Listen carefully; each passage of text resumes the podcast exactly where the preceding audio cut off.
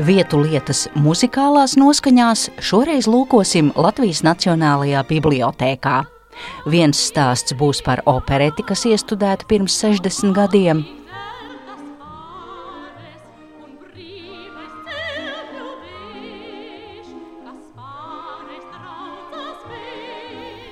Un otrs stāsts par operdziedātājas Elfrīdas Pakulas ierakstiem skaņu platēs 20. gadsimta 30. gadu beigās.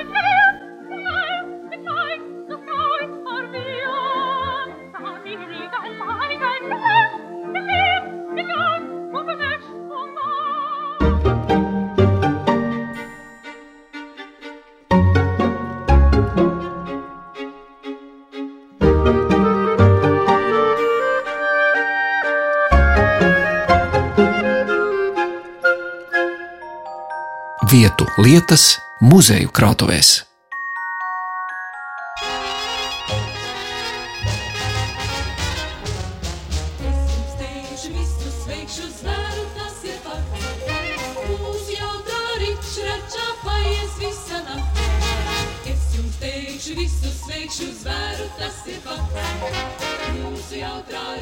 Šo dziesmu droši vien daudzi no jums ir dzirdējuši. Melodiju tā ir komponējusi Elga Igenberga, pianiste un komponiste, viena no latviešu estrādes mūzikas celmlausēm. Tā ir viena no melodijām, kas ir tapusi 1962. gada rudenī, kad Rīgas operetes teātrī top jaunā muzikālā darba Annele iestudējums. Jautrā noskaņā veidots darbs par studentu dzīvi. Libreta autors ir dzēnieks Jāseps Osmanis. Minētā dziesma ir tā zināmākā un spēlētākā līdz šodienai, bet Latvijas Nacionālajā bibliotēkā Mākslas un mūzikas centra mūzikas krājumā glabājas tāds retums kā šīs operetes partitūra. To šķirstu kopā ar krājumu vadītāju Rutu Almani Palmbahu. Ruta, kāpēc jūs izvēlējāties tieši šim raidījumam pastāstīt par Elgas Igenbergas radīto Anneli? Ideja, protams, bija ļoti daudz, jo pērļu ir dažādas, un arī uz krājumu var paskatīties dažādi. Bet galvā kaut kur vidē nu, jāpaņem, jāpastāsta, kas tur mums ir tie vienīgie eksemplāri, jo varbūt par tiem var kaut ko atrast. Es zināju, ka mums Annelas partitūra ir vienīgajiem Latvijā. Bet nepietiek jau arī ar to, ka tas ir vienīgais, jo vajag jau arī to stāstu klāt. Un, uh, Tad arī papētīt to informāciju, ko par Anneli var kopumā atrast.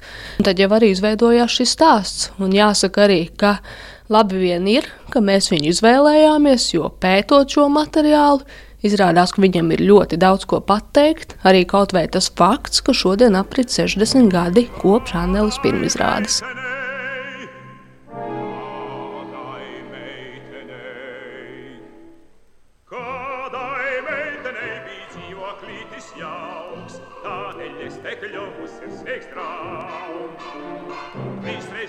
Ciemos gājušo brīnu jauko māju, kamēr mums pikāsas beidzot mums bravo!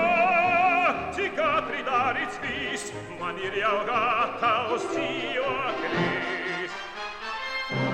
Jā, un tieši runājot par šo muzikālo pusi, man jau arī bija svarīgi saprast, nu, kas tā Anēla ir un kā viņa skan. Jo likās, nu, kā tā var būt tā, ka eh, šāds darbs ir uzvests tik sen, un līdz mūsdienām vairāk viņš nav uzvests. Domāju, kas tie mūzikā ir tāds. Es aizgāju uz audiovizuālo lasītavu, izvēlējos visanāko ierakstu, un eh, biju pārsteigta patiesībā, ka mums ir, mums ir no 70. gada Anēlas eh, plate kur arī palasīja nedaudz sastāvu, ka tur, tur ir arī kādi, kas tieši ir arī tajā 63. gadā dziedājuši tās savas partijas operas teātrī. Noklausījos, un jāsaka, nu, ļoti skaists darbs, ļoti muzikāls. Tieši rīču raču dziesmiņu tur nav, bet man pašai atmiņā palika tur tāds pucīts un garūšu duets. Es ēdēju un smaidīju. Kad visur jaunie blakus, bet nespēju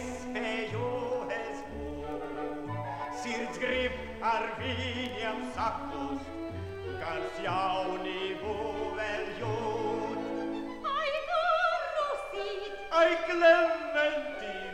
Nu, saki, ko tu dari?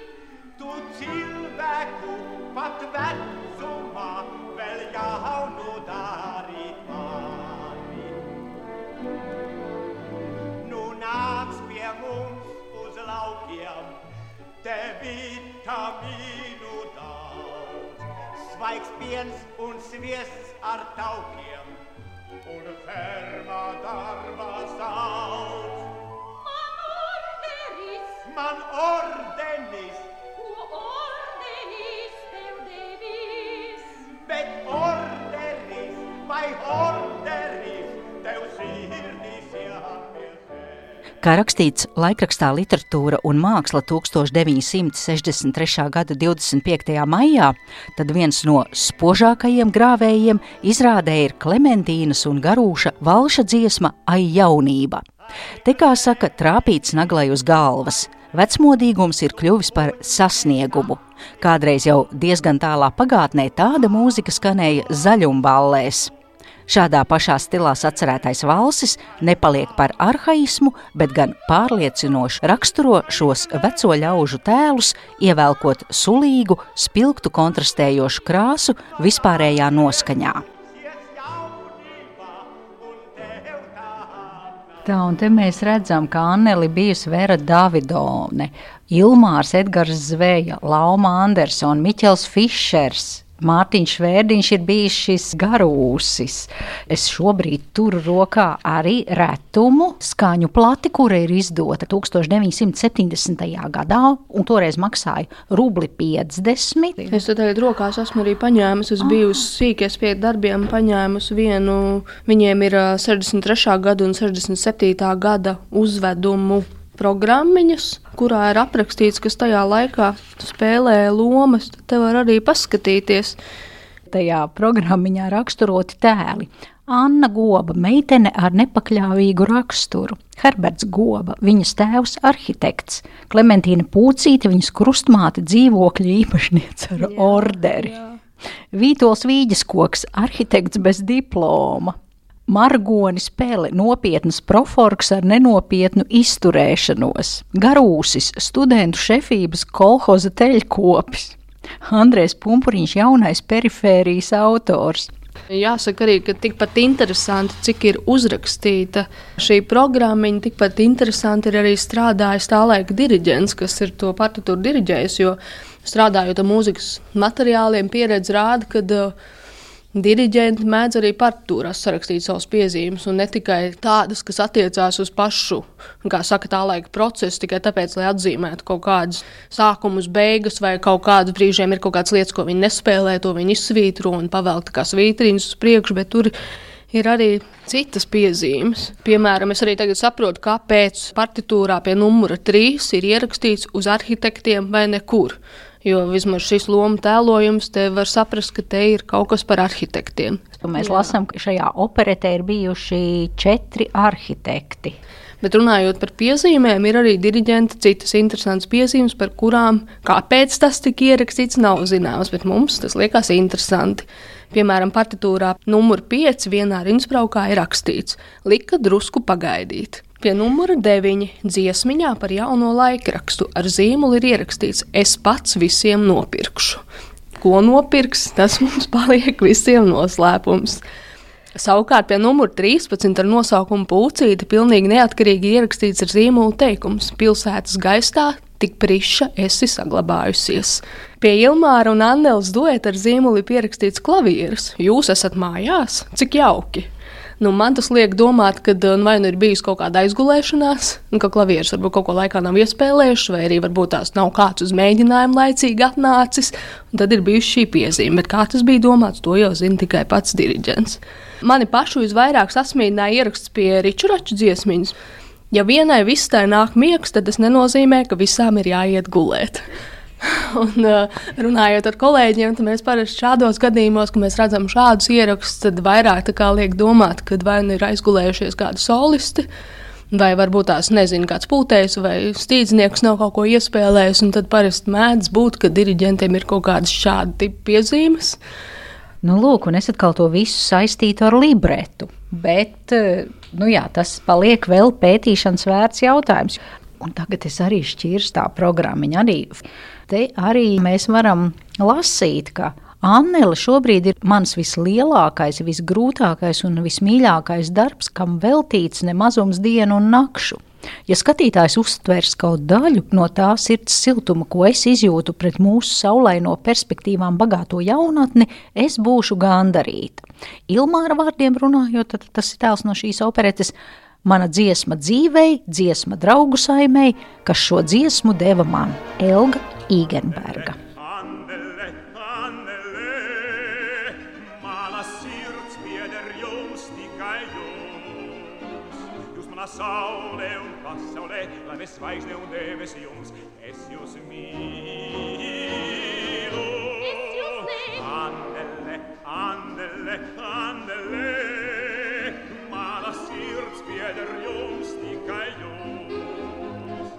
es neiešu projām ne soli, ak cik daudz tu man ceni būs soli. Annele, Annele, Annele.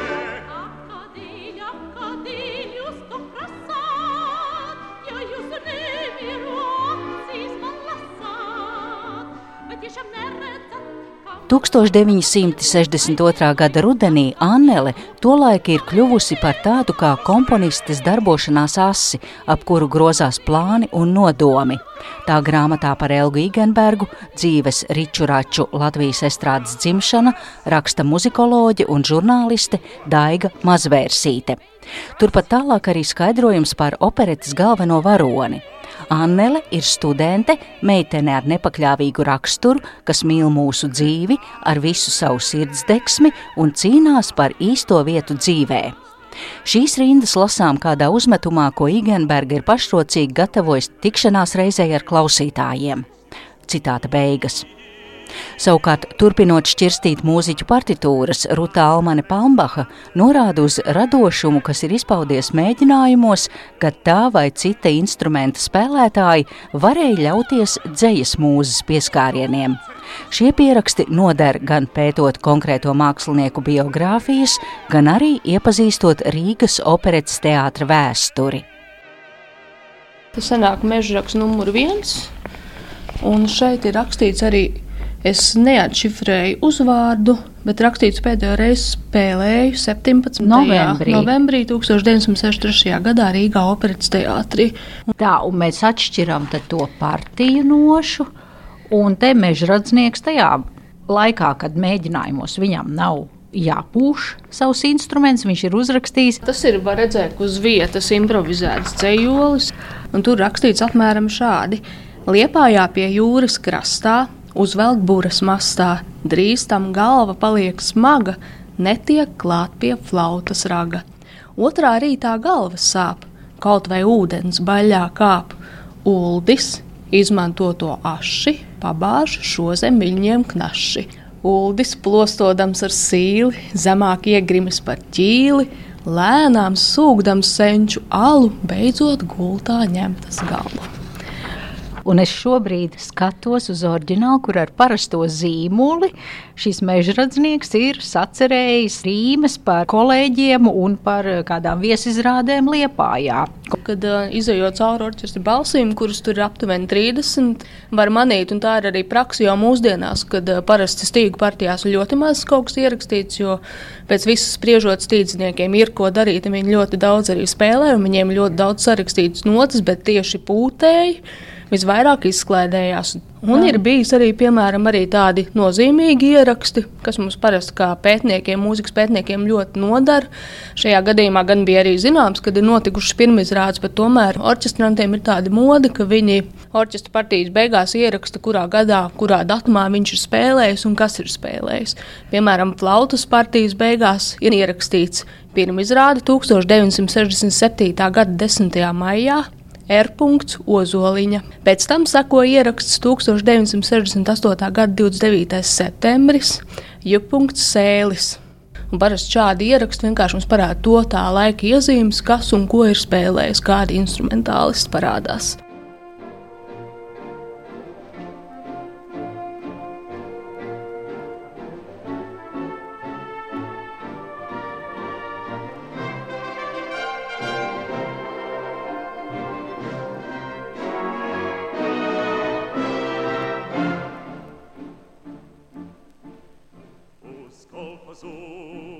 mēs braucam, mūs gaida krauts un stāsts. Es visus līdzi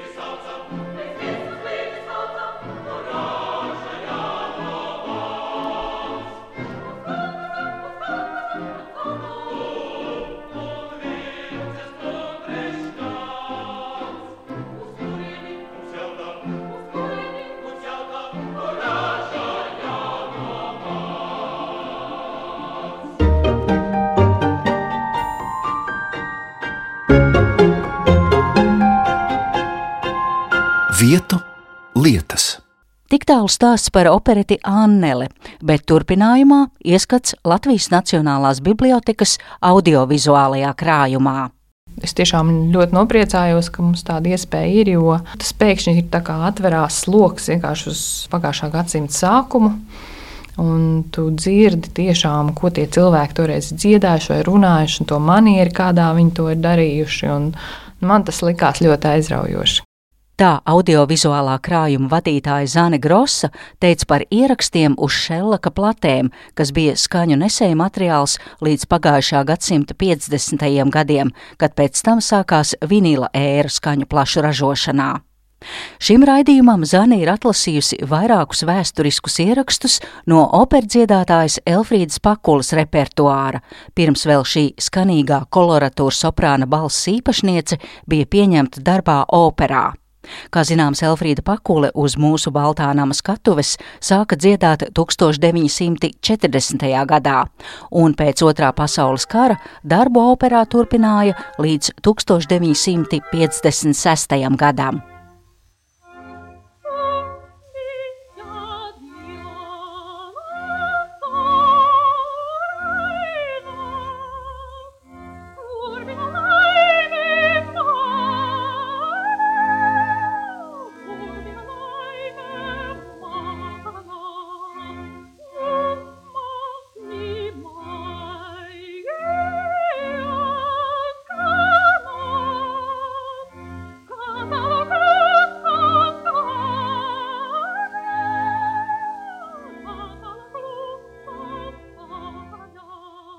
Zani, mēs nerunāsim par senākajiem ierakstiem, bet par kādu nosacīti mūsdienīgu ierakstu vai konkrēti par mākslinieci Elfrīdu Pakuli, zinām operas dziedātāju. Un kāpēc tieši jūs izvēlējāties šim raidījumam Pakulas ierakstus? Viņas ieraksti nav tie senākie, bet šie, te, par kuriem mēs runāsim, tika pārsvarā ierakstīti 20. gadsimta 30. gados. Tātad, nu, varētu teikt, viņas agrākie ieraksti tomēr. Kad es sāku strādāt ar šo kolekciju un šēlaka platēm, man pašai tas bija milzīgs atklājums, cik apbrīnojama balss ir bijusi Elfrīdai Pakulai. Bet jā, šie viņas balss ieraksti, tas ir kaut kas apbrīnojams. Un tā kā man interesē arī papētīt vairāk, un katrā ziņā es arī gribu ieteikt paklausīties tos. Un, ja es pareizi saprotu, radiofonā tie tika, ne, viņa pirmā publiskā uzstāšanās viņai ir bijusi. Jā, jūs pare, pareizi, atcer, pareizi sakat, pirmā publiskā uzstāšanās patiešām viņai bija radiofona raidījumā, simfoniskā orķestra pavadījumā. Bet tas interesantais stāsts ir tāds, ka Elfrīda Pakula sākumā pirms viņa vispār uzstājās publiski, viņa astoņus gadus mācījās pie profesora Paula Saksa, kurš pats ir izcils tenors dziedātājs. Viņš piekrita būt par viņas vokālo pedagogu. Tātad eh, viņa sāka mācīties pie viņa 1930. gadā. Bet bija noteikums, viņš uzstādīja noteikumus, ka viņa pilnībā respektēs to uzdoto uzdevumu un pakļausies viņa darba tehnikai. Un tie noteikumi bija sekojoši. Piemēram, pirmos divus gadus tikai gāmu tehniku viņi varēja mācīties, nekādas skaņdarbus, tikai gammas. Nu, es nezinu, vai to var tā iedomāties, bet nu, tas ir ļoti, ļoti prasa lielu pacietību. Tad arī nedrīkstēja mācīties pēc skaņu platēm, klausoties citus dziedātājus. Un, e, tā kā Elfrīdai Pakulē bija ļoti plašs balss diapazons līdz pat 4. oktāvas do, bet, lai panāktu balss izlīdzinātību, pedagogs viņai neļāva dziedāt augstāk par 3. oktāvas fā vai solu. Nu, Atcakot, viņai ir briljants koloratūras oprāns un e, jāteic, ka Tātad viņš šos astoņus gadus mācījās vokālās studijas pie Paula Saksa, un tikai pēc tam viņai tika dota atļauja pirmoreiz uzstāties ar publisku koncertu. Šis koncerts notika 1938. gada 3. maijā radiofona raidījumā. Un uh, publikas un kritikas vērtējums bija viennozīmīgs, ka tā ir sensācija. Un augstu atzinību saņēma gan viņas muzikālais talants, gan arī, protams, vokālā tehnika. Nu, pēc tam Elfrīda Pakula tika arī uzaicināta par solistu Rīgas operā. Tā kā īsts koloratūras oprāns 30. gadu beigās Latvijā nebija, tad Elfrīds Pakuls balss bija tiešām pārsteidzoša. Un kritika arī to laiku atzina, ka ar viņas sniegumu varētu lepoties ik viena pasaules skatuve.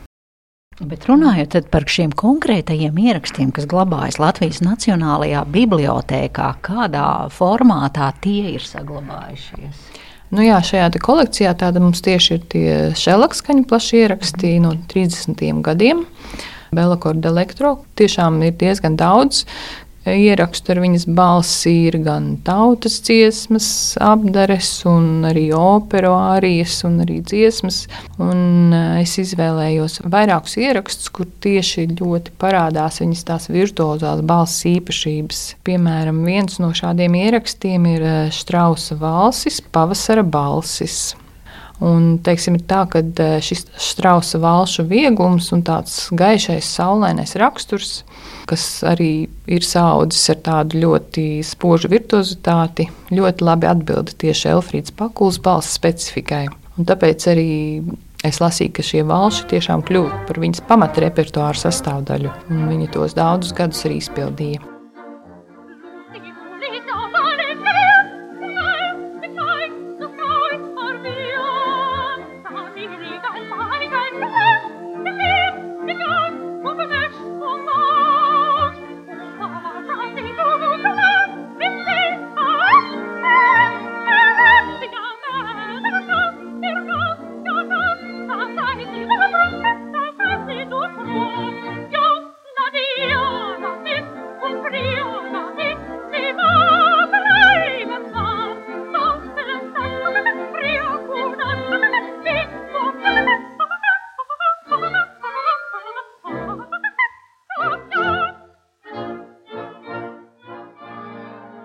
Es iekļāvu arī pie ierakstiem tādu Aļābieva dziesmu, Lakstīgala. Un varbūt daļai tas ir tāpēc, ka arī Elfrīda Pakula sauc par latviešu Lakstīgalu. Šī dziesma arī nu, parāda to apbrīnojamo, to virtuozitāti. Un tīpaši man arī pārsteidz tas vieglums, ar kādu viņa kā, dzied un paņem visas šīs augstās notis un lēcienus, kas nu, liekas tik pašsaprotami, bet es varu iedomāties, ka tas ir patiesībā ārkārtīgi grūti. Es tiešām neesmu dzirdējis daudzus dziedātājus, kas ar šo apbrīnojamo vieglumu un spožumu dzied šīs koloratūras soprāna.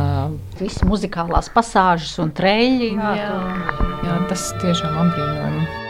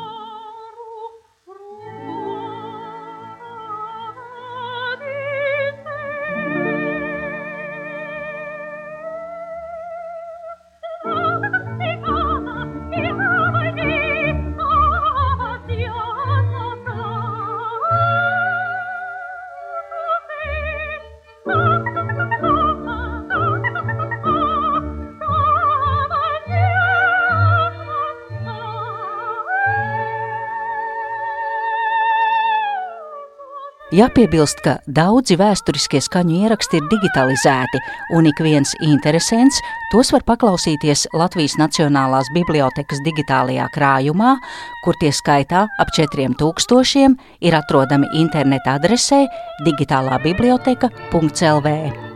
Ar to arī skan raidījums par Latvijas Nacionālās bibliotēkas muzikālajām vērtībām, un paldies par to es saku Bibliotēkas mākslas un mūzikas centra mūzikas krājuma vadītājai Rutai Almanei Palmbahai, audiovizuālā krājuma vadītājai Zanei Grosai un mākslas un mūzikas centra vadītājai Katrīnai Teivānei. Raidījumu veidoja Zane Lāce Baltalksne.